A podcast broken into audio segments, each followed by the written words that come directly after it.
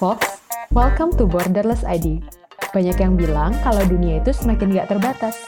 Tapi kita tahu kalau bumi itu jelas punya batas. Bareng gue, Adele, Nisa, dan Rio, kita akan nemenin waktu santai kalian sama obrolan yang mungkin gak santai-santai banget.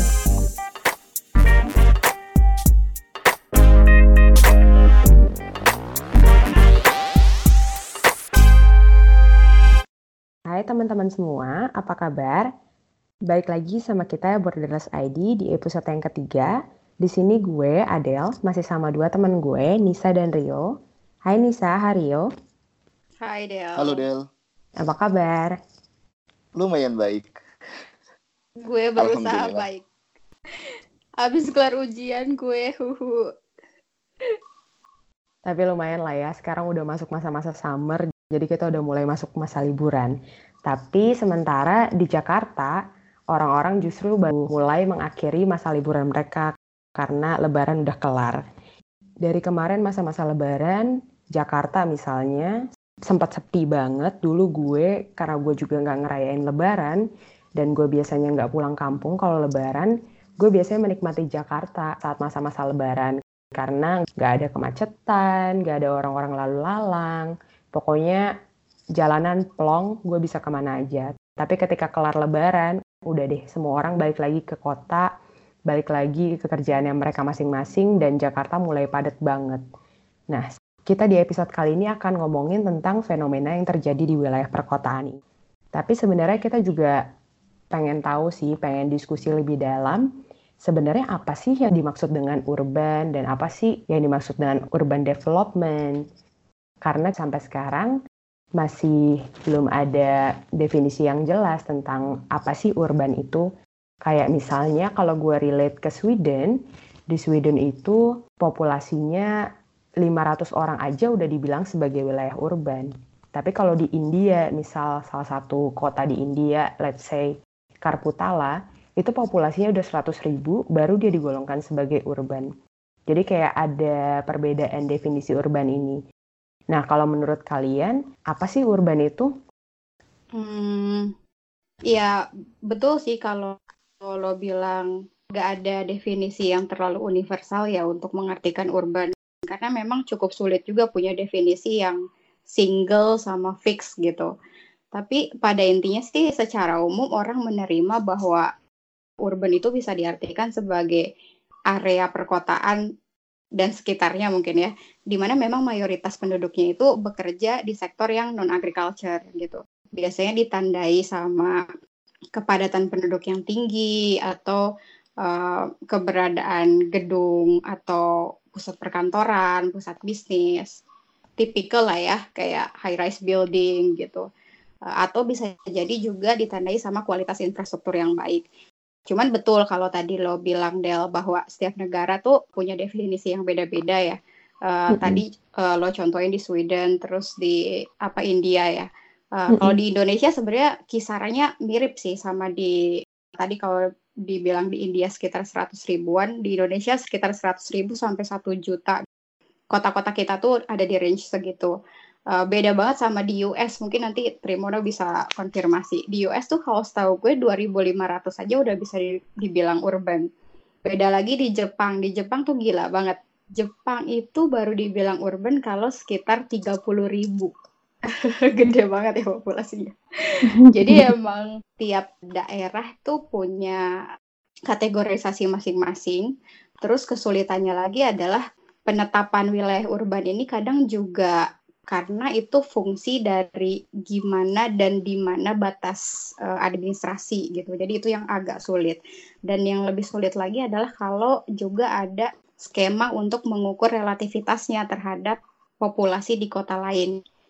Gitu. Jadi Mhm. kayak ada komparasi gitu loh, relatif terhadap kota lain dia misalnya lebih urban. Nah, itu sih yang akhirnya bikin definisi urban itu susah untuk punya kayak exact numbers ya kalau dari segi populasi. Cuman secara features tadi sih gue bilang setidaknya ditandai oleh aktivitas non agriculture. Makanya biasanya kan industrial atau service kayak gitu. Benar sih di US mungkin population density itu nggak sebagai single faktor yang ngedefine urban karena banyak banget built environment yang non agriculture tapi dia juga ternyata populationnya sangat sedikit. Tapi yang bedain adalah biasanya memang di physical environment-nya kan. Kalau misalnya di urban area itu jarang banget ketemu sama farm atau tanah pertanian, tanah perkebunan yang luas banget. Nah mungkin kalau ke countryside bakal lihat tuh kebun jagung di Illinois atau misalnya ladang peternakan di Florida yang kita nggak akan nyebut itu sebagai wilayah urban. Nah tapi ada juga misalnya kita sebut dia sebagai wilayah urban atau city, tapi ternyata populationnya itu sangat sedikit gitu. Bahkan dia disebut sebagai dying city, misalnya kayak Detroit dan beberapa kota di Michigan yang dia tuh masih bisa disebut city tapi ternyata populationnya sangat sedikit. Nah menurut gue lebih ke pada diversifikasi pekerjaan sih atau diversifikasi aktivitas dan pembagian kerja. Nah kalau di kota itu seperti ada pembagian kerja yang jelas. Jadi misalnya ada yang bekerja memang di perkantoran, ada yang bekerja ngebersihin kota, ada yang bekerja untuk ngurusin uh, waste management. Sedangkan kalau di desa mungkin satu orang dia bisa ngerjain ya udah kerja di pertanian tapi dia juga bersihin jalanan terus atau dia juga kerja sebagai kuli bangunan di situ sehingga pembagian kerjanya tidak begitu jelas. Terus juga dari segi diversifikasi pekerjaan itu di kota op opsinya lebih banyak gitu. Bisa banyak lah mau jadi apa pun sedangkan di pedesaan benar kata Icang mungkin tipikalnya berhubungan dengan agriculture atau agriculture uh, processing atau distribusi nggak jauh-jauh dari situ. Nah, ya tadi kan Nisa sama Rio juga udah sebut uh, bahwa ada berbagai fitur-fitur yang memang terkait dengan wilayah perkotaan. Kayak misalnya non-agriculture, terus abis itu ada high density population, tapi ini juga relatif sifatnya karena satu wilayah sama wilayah lain atau satu negara sama negara lain bisa punya definisi yang berbeda. Kemudian juga ada physical environment yang berbeda karena kecenderungannya yang non-agriculture sehingga cenderung nggak punya wilayah pertanian, nggak punya hutan. Ya meskipun sekarang udah ada terminologi-terminologi baru kayak hutan kota, kemudian kayak urban farming dan lain sebagainya, tapi memang kecenderungannya lebih ke diversifikasi uh, pekerjaan. Kayak misalnya orang-orang lebih banyak bekerja di sektor services atau di bidang utility. Jadi pekerjaannya udah cenderung ke arah melepaskan diri dari sektor-sektor produksi. Nah, ngomongin tentang diversifikasi pekerjaan dan kemudian ini juga jadi sebuah alasan kenapa orang-orang justru pindah ke area kota, menarik juga buat ngomongin bahwa produktivitas ini berpusat di kota-kota besar. Misalnya kayak di Jakarta, let's say kalau kita ngomongin tentang APBD-nya Jakarta, ternyata APBD-nya Jakarta lebih tinggi daripada kota-kota sekitarnya. Kayak Bekasi, Depok, Tangsel, dan lain sebagainya. Nah, berangkat dari studinya UN, tentang World Urbanization Prospect bahwa setengah dari populasi dunia sekarang ini tinggal di urban area. Dan diprediksi juga pada tahun 2050, 2 per 3 dari populasi ini akan tinggal di urban area. Dan gue rasa ini juga berkaitan sama produktivitas, produktivitas di wilayah urban. Kalau misalnya, ini kan kita ngomongin dari skala dunia. Kalau misalnya kita berangkat ke skala nasional di Indonesia, let's say Jakarta jumlah populasi ini dan juga pekerjaan-pekerjaan yang ada di wilayah Jakarta, kemudian membantu orang-orang yang tinggal di Jakarta untuk memenuhi standar hidup mereka, dan ternyata produktivitas ini juga berpengaruh terhadap APBD di Jakarta. Kayak misalnya APBD di Jakarta sebagai pusat kota di Jabodetabek lebih tinggi daripada kota-kota sekitarnya kayak misalnya Bekasi, Depok, Tangerang Selatan, dan lainnya. Nah, gue jadi penasaran, sebenarnya apa sih main driver dari urban transition ini yang menyebabkan populasi-populasi ini justru meningkat di wilayah urban. Bahkan di tahun 2050, tadi 2 per 3 dari populasi di dunia akan tinggal di urban area. Sebenarnya kenapa sih orang-orang pindah ke kota? Kalian bisa mengulik lebih lanjut nggak alasan-alasan kenapa orang pindah ke daerah yang lebih urban? Mungkin salah satu faktor utamanya kesempatan ya, opportunity. Jadi di Jakarta atau di kota-kota besar itu biasanya punya kesempatan yang lebih banyak. Baik dari segi pekerjaan, ekonomi secara umum, atau bahkan dari segi misalnya akses terhadap pendidikan, terhadap kesehatan, terhadap entertainment atau hiburan, atau kayak semacam mengejar mimpi gitu kan. kayak lo pengen jadi Indonesian Idol atau menjadi seorang bintang, seorang Wow. diva, lo datang ke kota Jadi besar. artis.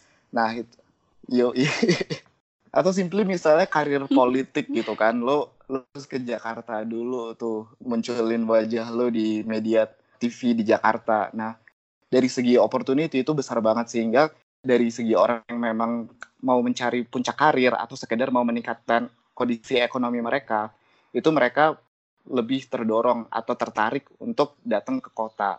Nah, itu salah satu jadi driver kenapa populasi dan juga tingkat orang yang masuk ke suatu urban area itu selalu meningkat trennya. Betul sih. Menurut gue memang highlightnya adalah kesempatan di urban itu lebih besar. Tapi kalau tadi nanggepin statementnya Adele ya sebelumnya soal tren urbanisasi Mhm. global dan termasuk juga di skala nasional, kenapa sih akhirnya banyak daerah-daerah, terutama daerah-daerah urban yang keep growing gitu ya over time. Sebenarnya tanpa bentuk migrasi dari daerah desa ke urban, hakikatnya gitu ya, suatu daerah urban itu memang akan continuously grow karena faktor misalnya faktor natural juga sih. Karena populasinya bertambah. Maksudnya kayak even populasi yang sudah ada MC eksis sebelumnya itu dia kan akan berkontribusi terhadap kelahiran baru. Jadi populasinya memang akan terus naik gitu. Dan itu cukup signifikan sebenarnya untuk membuat sebuah daerah atau satu kota itu untuk terus tumbuh. Di Asia itu bisa kontribusinya terhadap growth-nya si kota itu bisa sampai 60%. Di Afrika bahkan bisa 70%.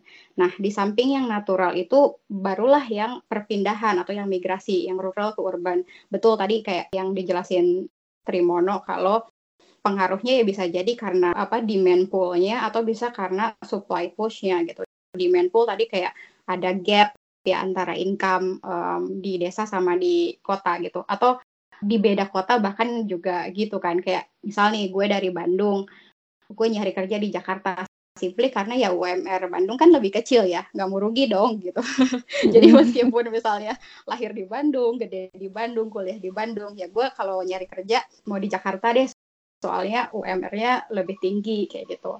Nah atau bisa jadi ya Hmm. karena faktor dorongan di kampungnya udah nggak ada apa-apa nih gitu. Sawah udah dijual misalnya karena harus memenuhi kebutuhan rumah tangga misalnya. Terus produktivitas mungkin nu- menurun gitu. Jadi akhirnya nggak punya kesempatan kerja.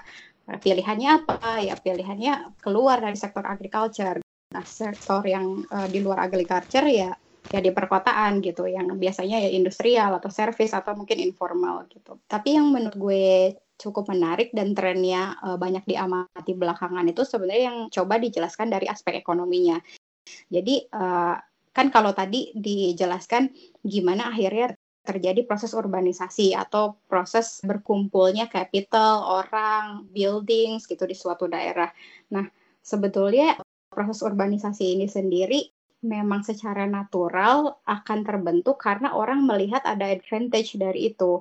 Jadi ketika suatu daerah misalnya banyak capitalnya, orangnya juga banyak, atau labornya banyak dan segala macam, itu dalam konsep produksi sangat menguntungkan untuk mereduksi cost.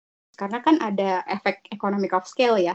Jadi ketika mau produksi, eh, proximity-nya tuh lebih lebih kecil gitu, ke market deket, ke supply-nya deket. Jadi kayak em, biaya produksi itu bisa diturunin gitu. Itulah yang membuat kenapa urban itu atau daerah urban itu sangat atraktif gitu eh, untuk pelaku-pelaku bisnis untuk datang. Nah, ketika pelaku bisnis datang, ya kesempatan kerja semakin tinggi, jadi daya tarik semakin tinggi. Ya udah akhirnya jadi kayak sir apa? Bukan sirkus, sil- siklus. ya kayak gitu. Masuk masuk karena dengan hal tersebut juga akhirnya ada perluasan built environment ya atau daerah terbangun gitu kan. Karena misalnya semakin Iya, oh nggak cukup nih bangun daerah perkantoran atau housing, akhirnya mau nggak mau ada perlebaran kota atau ada sister cities yang Mhm. akhirnya nanti makin membesar gitu kan. Nah semakin Iya. besar semakin banyak kesempatan, semakin bisa menampung banyak orang, tapi juga semakin memperbesar area perkotaan itu sendiri. Mungkin kalau misalnya ada kota-kota yang dia tuh punya spesialisasi industri tertentu dan ternyata industri tersebut sudah tidak happening lagi ya atau misalnya sudah tidak apa menarik lagi untuk kondisi market sekarang. Gue ambil contoh misalnya kanton di Ohio yang dulu itu populer banget sama industri besi hmm. dan baja atau Detroit hmm. di Michigan yang dia tuh hmm. populer sama otomotif. Hmm. Nah, ketika ada shifting industri dan akhirnya tempat tersebut nggak jadi pusat industri itu lagi atau simply marketnya sudah semakin menurun, itu orang-orang akhirnya pada keluar dari kota itu, build environment ada, facility ada, tapi orangnya nggak ada. Dan itu hmm. bisa jadi ada dying city. Nah, mungkin trennya di Indonesia atau di negara-negara Asia itu kota-kota mulai tumbuh dan mulai berkembang. Nah, mungkin ketika nanti mulai ada spesialisasi, misalnya kota tersebut khusus industri apa gitu, ternyata industrinya dia tidak tumbuh atau dia berpindah, itu bisa jadi dying kayak beberapa kota di mungkin di Eropa dan juga di Amerika Utara. Nah, kalau misalnya kita relate lagi, di Sweden juga ada satu kota yang seperti itu. Dulunya dia sangat berkembang besar karena industrinya, namanya kota Malmo. Tapi seiring berjalannya waktu, industrinya juga mulai bergeser. Tapi ternyata kotanya juga tetap menjadi sebuah daerah urban. Karena dia juga tetap keep up sama segala macam improvement di public services dan segala macamnya deh pokoknya tetap tetap oke. Okay. Jadi menurut gue bisa jadi ya ada beberapa daerah yang kayak di Ohio tadi ada juga yang tetap um, punya potensi untuk berkembang. Nah, kalau misalnya ngomonginnya tentang tren di Asia, mungkin ini juga berkaitan sama jumlah populasi, bahwa populasi di Asia sangat banyak. Jadi, bisa jadi justru ada peralihan-peralihan tersendiri di wilayah urban tersebut, atau mungkin juga ada kemungkinan kota tersebut dying, dan mungkin juga ada kemungkinan kota tersebut tidak dying, karena populasinya akan tetap di sana. Tapi, ngomongin tentang wilayah urban ini ya, tadi kan sempat disinggung bahwa ada opportunity kerja, ada public services yang memadai, kemudian ada faktor faktor natural seperti populasi yang terus meningkat, ada faktor migrasi juga. Nah, ini menarik juga karena urban juga sering dihubungkan dengan development, dengan pembangunan. Banyak yang bilang bahwa ketika suatu wilayah semakin mengurban, maka wilayah tersebut dikaitkan dengan um, peningkatan infrastruktur yang memadai, peningkatan utility yang memadai. Kemudian ada juga services-services yang di provide sama government untuk masyarakatnya sehingga masyarakatnya lebih dekat dengan public services kayak misalnya healthcare, sekolah dan lain sebagainya. Tapi kalau misalnya kita ngelihat dari segi development aja kayaknya agak timpang ya kalau kita juga nggak nge-highlight apa sih konsekuensi dari urbanisasi ini. Nah, ini jadi pertanyaan berikutnya. Apa sih sebenarnya konsekuensi dari development yang terjadi di wilayah perkotaan ini? Kalau misalnya kalian uh, melihat dari segi development yang terjadi dan juga populasi yang meningkat, kira-kira apa aja konsekuensinya? Um, since lo tadi sempat nge-highlight uh, gimana tren di Asia ya Del, mungkin gue pengen relate ke situ dulu sih. Dan uh, mungkin nanti bisa nyambung ke konsekuensi ya. Kenapa akhirnya ada konsekuensi yang harus diantisipasi atau harus di-manage. Ya betul sih kalau populasi di Asia itu saat ini sangat tinggi dan rate urbanisasinya juga cukup tinggi ya kalau dibandingin dengan benua benua-benua lain. Kalau nggak salah ya memang yang rate-nya sangat tinggi uh, itu sekarang adalah Asia dan Afrika. Nah, berita bagus atau berita buruk sebenarnya both skenario bisa terjadi gitu. Cuman permasalahannya adalah ini salah satu juga dijelaskan di papernya Henderson kalau teman-teman mungkin sempat come across dia nyeritain soal tren urban di Global South. Jadi menurut dia sebenarnya ada apa ya ada distinctive uh, karakter gitu yang yang bisa ditemukan di urban area yang di global south di developing countries. Pertama adalah share populasi urban ya di kota-kota yang sangat besar atau di kota-kota metropolitan itu terlalu besar relatif terhadap total urban populasi secara umum. Atau mungkin lebih dikenal dengan istilah urban primacy mereka bilang. Uh, dan ini bermasalah kenapa? Karena ketika jumlah populasinya terlalu tinggi di satu atau ya di beberapa lah ya, di beberapa kota yang uh, besar uh, itu akan menimbulkan ketimpangan dengan uh, daerah-daerah yang lain. Nah, kedua yang jadi tren juga di Global South dan itu terkesan jadi masalah adalah rate-nya. Rate-nya itu sangat cepat. Maksudnya gini, kalau dikomparasi dengan uh, US ya, US itu 40% urbanized tahun 1900. Terus dia naik ke 78% di tahun 1990. Jadi butuh 90 tahun buat US untuk bisa dapat level urbanisasi di atas 70%. Level yang sama 78 eh, persenan gitu untuk urbanize di Brazil itu cuma butuh waktu 30 tahun. Jadi cuma sepertiga waktu yang dibutuhkan untuk meraih level urbanisasi yang sama. Nah, mungkin kedengarannya bagus, Padahal setelah diteliti lebih lanjut, dugaannya adalah slower pace-nya US untuk membangun urban area-nya dan ketika urbanisasi itu terjadi di income yang lebih tinggi, justru itu jadi salah satu faktor kenapa US bisa membangun institusi yang lebih efisien untuk urban governance gitu. Nah, sementara si developing countries ini yang urbanisasinya terlalu cepat bikin governmentnya tuh terlalu tanda kutip gelagapan gitu buat manage populasinya jadinya. Sama lah kayak kita belajar berenang gitu kan kalau yang pelan-pelan di satu meter dua meter tiga meter itu kan jadi jago gitu ya. Tapi kalau misalnya lo nggak bisa nih pertama kali ya berenang terus langsung diceburin tiga meter ya gelagapan lah gitu kan. Jadi intinya uh, itu masalahnya uh, di Asia. Makanya tadi kalau ditanya konsekuensinya gimana ya konsekuensinya adalah sebenarnya yang dikhawatirkan pertama migrasi dari rural ke urban itu akan terus terjadi terlepas ada atau enggaknya kesempatan employment di urban. Nah, ini yang sebenarnya dikhawatirkan. Karena kekhawatirannya sekarang adalah rate urbanisasi di Asia itu tinggi bukan karena kesempatan kerjanya terbentuk di urban, tapi simply karena mereka udah kehilangan kesempatan aja di rural argumennya banyak sih. Salah satunya adalah climate crisis. Cuman itu nanti mungkin bahasan selanjutnya lah ya. Cuman pada intinya si rural ini terpaksa pergi ke urban karena udah nggak punya kesempatan tanda kutip itulah atau kesempatannya sangat minim dibandingkan daerah urban. Dan e, masalahnya lagi adalah ketika itu terjadi, sebagian besar labor itu akhirnya terserap di sektor yang informal kayak precarious job gitu loh. Mereka poorly paid, terus kayak unprotected, terus nggak punya social security mungkin. Nah, akhirnya tanda kutip ketimbang jadi source of labor yang menguntungkan untuk bisnis malah jadi beban aduh ini rude banget ya gue ngomong beban tapi ya kasarnya gitulah malah akan menjadi beban untuk di manage oleh si urban governmentnya itu gitu kan kasihan ya kalau sampai misalnya end up tinggal di slum area segala macam. Nah itu ya sebenarnya uh, dikhawatirkan karena kan ketika misalnya populasinya terlalu tinggi juga misalnya polusi tinggi, kualitas lingkungan menurun, kualitas hidup juga menurun. Bisa jadi itu nanti nge-trigger angka kriminalitas gitu. Jadi sebenarnya banyak sih masa-masa sosial turunannya. Cuman at least ya itu karena populasinya tinggi, source of labor-nya tinggi, tapi kayak employment-nya kurang, semua lari ke sektor informal, nggak ke manage, karena informal tuh kita nggak bisa ngatur gitu.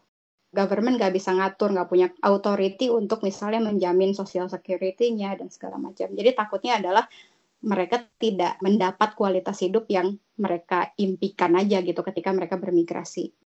Oke, nah tadi kan Icang udah ngomongin bahwa ternyata rate urbanisasi jauh lebih tinggi daripada laju peningkatan lapangan kerja. Akhirnya orang-orang terserap di sektor informal. Tapi yang belum kita sentuh adalah gimana sih pengaruhnya terhadap penurunan kualitas lingkungan. Kira-kira lo bisa elaborate nggak, Yo? Nah, tadi kan udah dibilang bahwa misalnya laju urbanisasi jauh lebih cepat daripada kesiapan pemerintah untuk memanage sistem yang ada di kota tersebut. Nah, itu nanti berimbas kepada pengelolaan sumber daya alam, baik misalnya dari ruang, dari misalnya permukiman, itu akhirnya jadi banyak informal settlement atau urban sprawl. Terus kemudian juga dari misalnya penggunaan sumber daya seperti listrik, air, dan juga ruang terbuka hijau itu semakin susah untuk di-manage. Bayangin misalnya semakin banyak orang yang butuh air ada fasilitas atau ada pelayanan terhadap air, tetapi tidak ada aturan seberapa banyak air yang bisa dikonsumsi oleh suatu rumah tangga. Sedangkan misalnya mereka bayarnya sama atau ada nggak ada batas maksimum sama minimumnya gitu. Nah akhirnya nanti ada misalnya rumah tangga yang dia itu mandinya lebih lama misalnya atau pakai banyak air karena dia punya warung. Bisa jadi isu sih soal misalnya penggunaan sumber daya, tapi juga dari segi tadi udah disinggung sama Icang, misalnya semakin banyak orang, semakin banyak aktivitas, semakin banyak kendaraan yang lalu lalang, semakin banyak uh, kegiatan pabrik atau semakin banyak kegiatan yang memunculkan emisi, akhirnya kan polusi semakin tinggi. Makanya polusi udara, polusi suara, dan polusi air misalnya itu semakin menjadi masalah di kota-kota.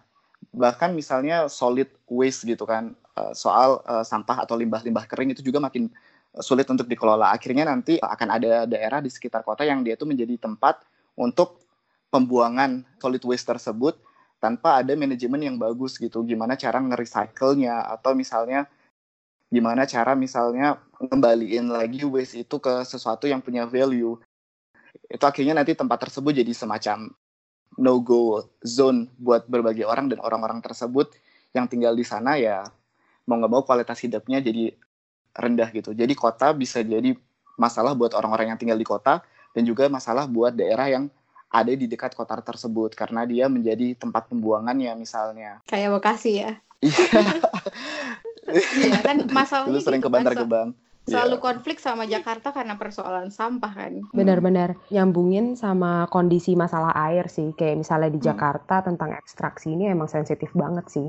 Misalnya orang-orang ekstrak groundwater, ternyata groundwater ini sendiri nggak ada regulasi yang jelas buat seberapa banyak maksimum orang-orang bisa ngeekstrak.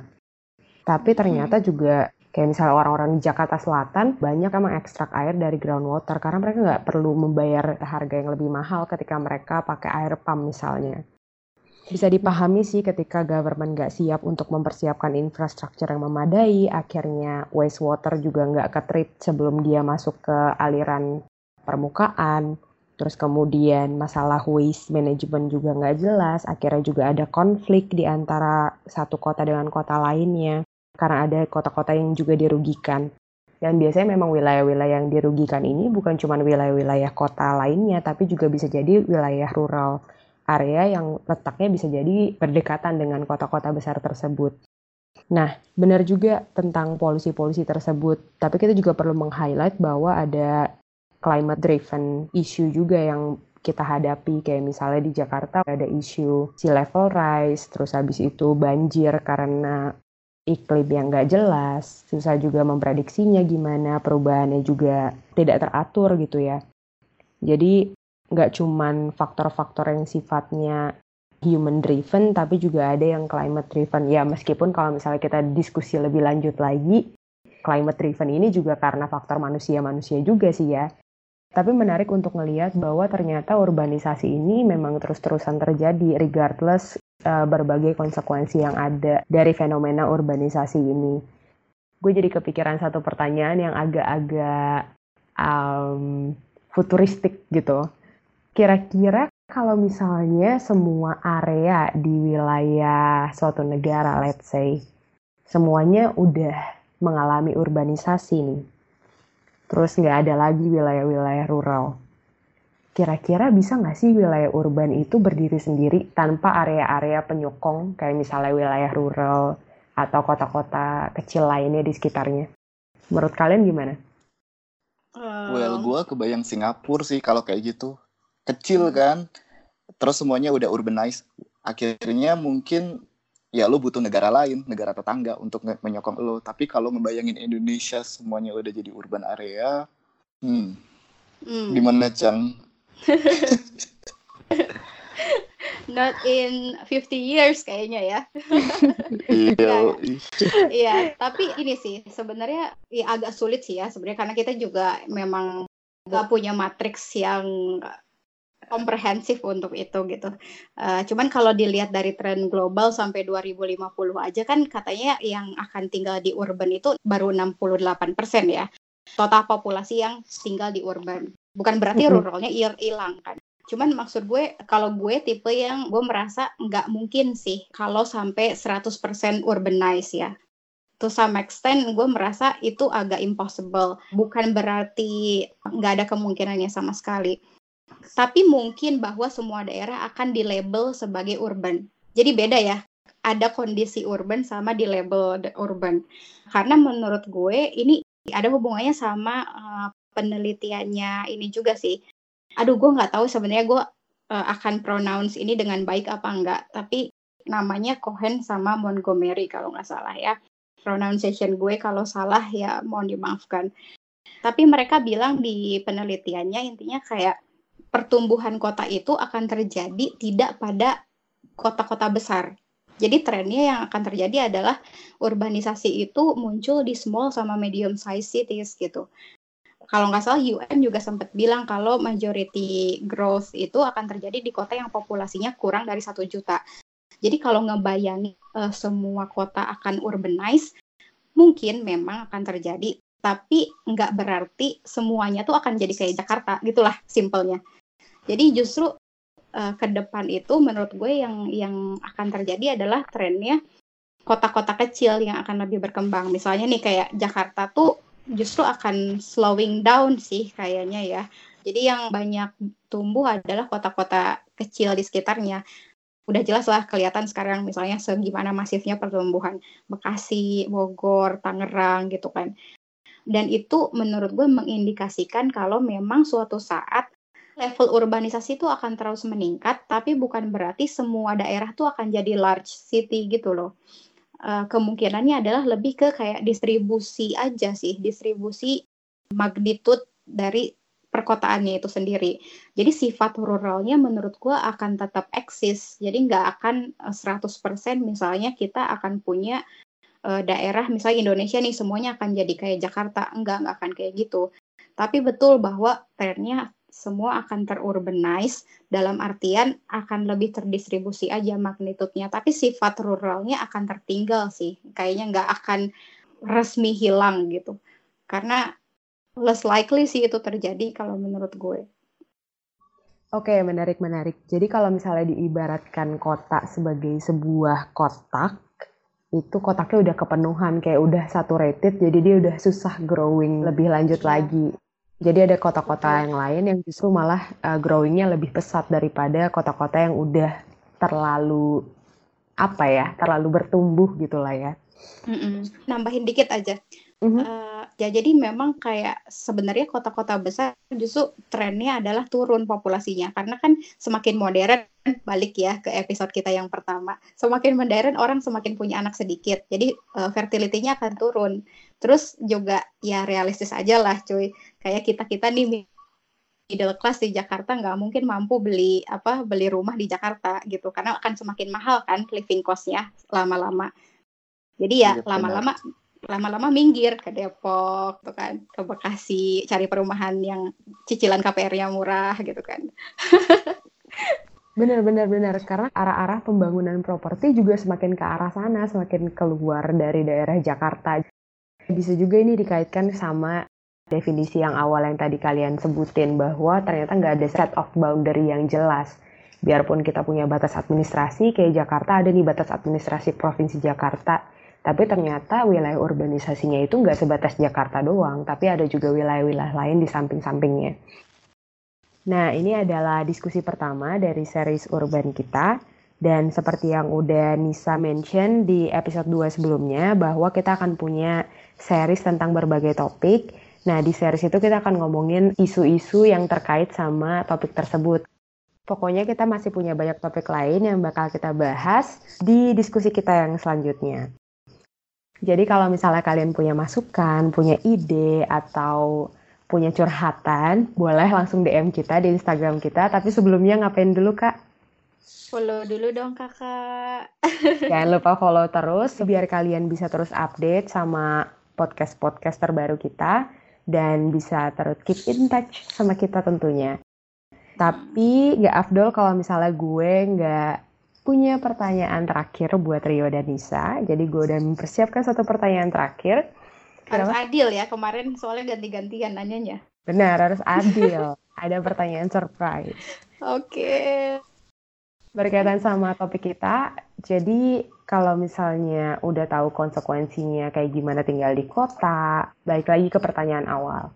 Sebenarnya kalian mau tinggal di wilayah dengan karakteristik atau fitur seperti apa sih kalau kalian bisa milih satu kota yang paling ideal deh buat kalian tinggalin apa kira-kira? Aduh, tergantung sama siapa sih? Eh, asik. Sama siapa gitu kan, Chan? Di mana pun berada akan terasa indah dan nyaman. Gak juga deh, cuy. Kalau gak ada listrik gimana?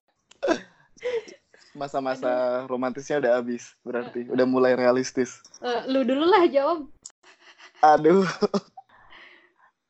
gue sekarang lagi di kaki Gunung Himalaya di kota Pokhara dan menurut gue kotanya asik banget. Nah gue ngebayangin ada kota yang dia tuh deket sama uh, natural environment sehingga kotanya nggak begitu crowded dan juga dia masih functional dalam segi misalnya ngeberi gue gaji dan UMR yang besar tapi juga gue bisa gampang gitu ke national park atau ke gunung atau ke danau atau ke rawa-rawa atau pokoknya ke alam deh dan itu menurut gue hmm. asik sih Mantap, hmm. realistis ya. Yo, life work balance gitu.